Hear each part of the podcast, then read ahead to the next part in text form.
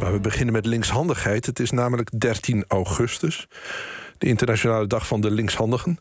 De in omvang vrij constante minderheid onder ons van mensen die door het leven gaan in een wereld die is ingericht op rechtshandigen. En dat heeft een lange geschiedenis. Rick Smits, taalkundige, journalist en schrijver, publiceert al jaren en dag over linkshandigheid.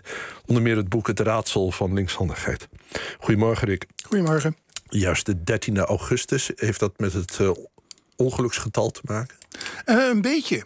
Uh, er is een van de Amerikanen die dat begonnen is, een jaar of, nou wat zal het zijn, 25, 30 geleden inmiddels.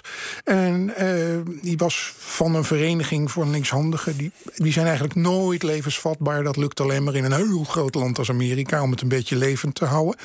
En die bedacht, er moet dus een beetje publiciteit komen. en die is gaan zoeken naar een dag. En die had toen bedacht van nou weet je wat, ik neem een dag in de zomer als iedereen met vakantie is. En ik neem ook nog de dertiende, want die wil nooit iemand hebben. Juist, ja. En dat is dus 13 augustus geworden. Ik noem een vrij constante minderheid, is dat zo? Ja, zeker. Dat is uh, overal zo. Dat is heel opmerkelijk. Hè. Dat is, het, is, een biologische eigenschap. En het gekke daarvan is dat die zijn altijd heel wisselend. In China vind je geen blonde mensen en in Noorwegen geen Chinezen, zou ik maar zeggen. Althans niet van huis uit. Uh, maar met zoiets als linkshandigheid, en er zijn nog een paar van die dingen... zie je dat... Uh, elke populatie in de hele wereld, waar je komt, op eilanden, uh, grote continenten, altijd zit er zo rond de 10% linkshandigen tussen. Dat kan een klein beetje schelen, maar dat heeft ook heel met te maken met hoe je linkshandigheid identificeert. Hè, hoe je zegt van dat is er eentje. Uh, en dat is ook, en dat is ook al zo gek, er is ook geen variatie over de tijd. Uh, er zijn deskundigen die zeggen dat ze kunnen zien aan van die vuistbijltjes van anderhalf miljoen jaar geleden. Oh, toen waren er nog helemaal geen mensen. Toen waren het allemaal nog van die Homo erectus en zo, halve apen. Maar die maakten wel al gereedschapjes.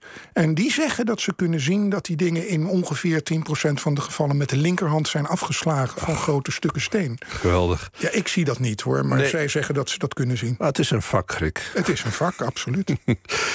links- en rechtshandigheid, je zegt het heeft dus eigenlijk altijd bestaan. Maar mhm. toch, als ik jou vraag, uh, wat, is, uh, wat het, is het startschot eigenlijk van het verhaal over links- en rechtshandig?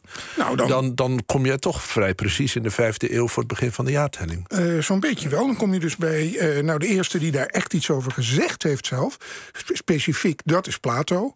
Die is dus ietsjes later. Maar ja, dat is echt specifiek. Die heeft het over linkshandigheid. Of over eenhandigheid eigenlijk nog meer. En uh, die zegt, ja, dat is toch wel een beetje een, een, een gebrek aan de opvoeding dat wij eenhandig worden opgevoed. Het is eigenlijk gewoon dom. Kijk nou naar de Skieten. Dat was destijds een heel machtig ruitervolk. Maar de Russen van toen, zal ik maar zeggen. Net zo lastig ook. Uh, die leiden hun kinderen tweehandig op. En die kunnen dus, nou ja, op paarden konden die van alles en zo. En of, oh, of dat allemaal waar is, dat, dat, dat, dat kan je toch niet achterhalen. Maar dat, dat, dat was wel een idee dat dus destijds al leefde. Van ja, er is iets met die eenhandigheid. Dat is raar. Um, dat door die 1 op 10 verdeling was, dat was toch meer eigenlijk een, een soort van, ja, hoe moet je dat noemen, een kers op de taart daarbij. Namelijk gewoon gek. Dus hij sprak niet in afkeurende zin over linkshandigheid. hij, hij, hij pleitte voor ambidexter. Ja, eh, dus dat je met twee handen iets. En, eh, ik zal vast verklappen, dat lukt dus niet hoor. Dan kun je proberen wat je wil. Er zijn mensen die beweren dat ze ambidexter zijn. Maar als ze dat echt zouden zijn, dan word je knettergek. Want dan moet je dus voor iedere lullige handeling die je in de dag verricht, een beslissing nemen. Ga ik het met die hand doen of met die hand? Dat brengt iemand niet op. Dus in de praktijk doet iedereen iets als een, heeft een voorkeurshand. Ja. Maar het kan wel zijn dat je sommige dingen met je andere hand doet hoor. Maar dat, eh, dat, dat, bijna niemand is exclusief links of echt exclusief rechtshandig. Uh, als je zeg maar zo'n testbatterijtje van allerlei dingen die typisch gevoelig daarvoor zijn gaat afwerken, dan zie je dat heel veel mensen. Ik heb er zelf eentje gemaakt van twaalf dingen.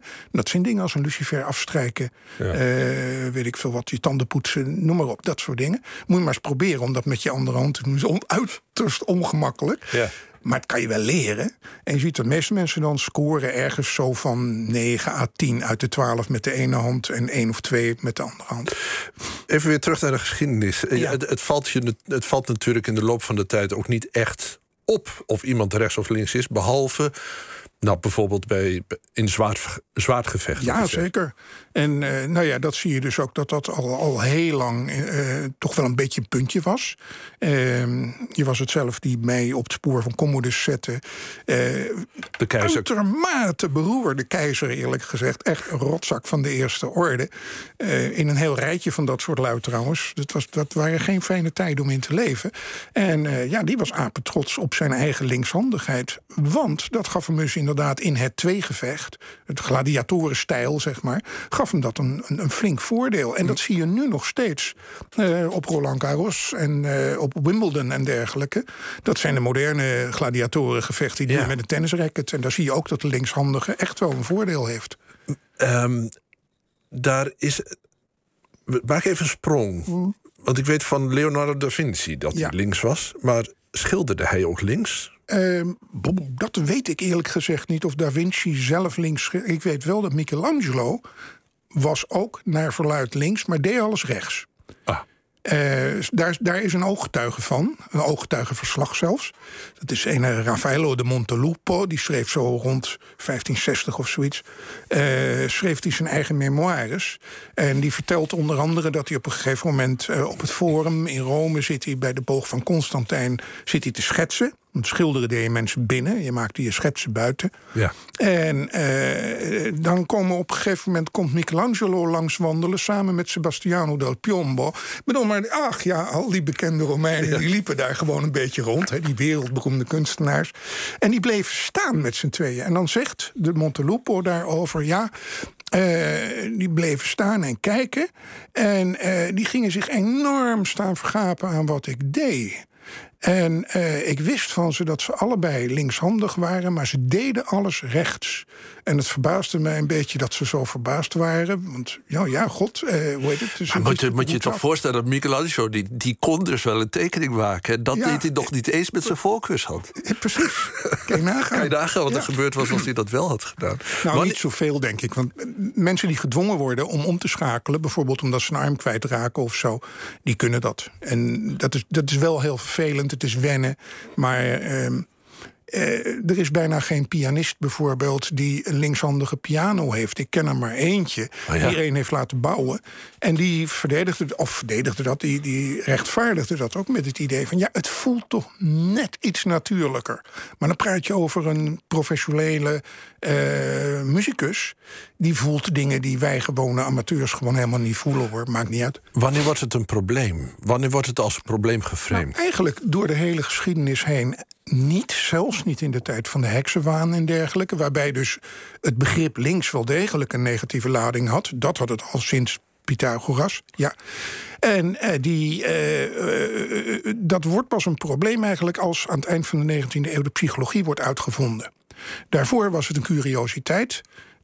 Freud en dergelijke die gingen naar mensen kijken, naar hun geest kijken, vanuit het idee van problemen.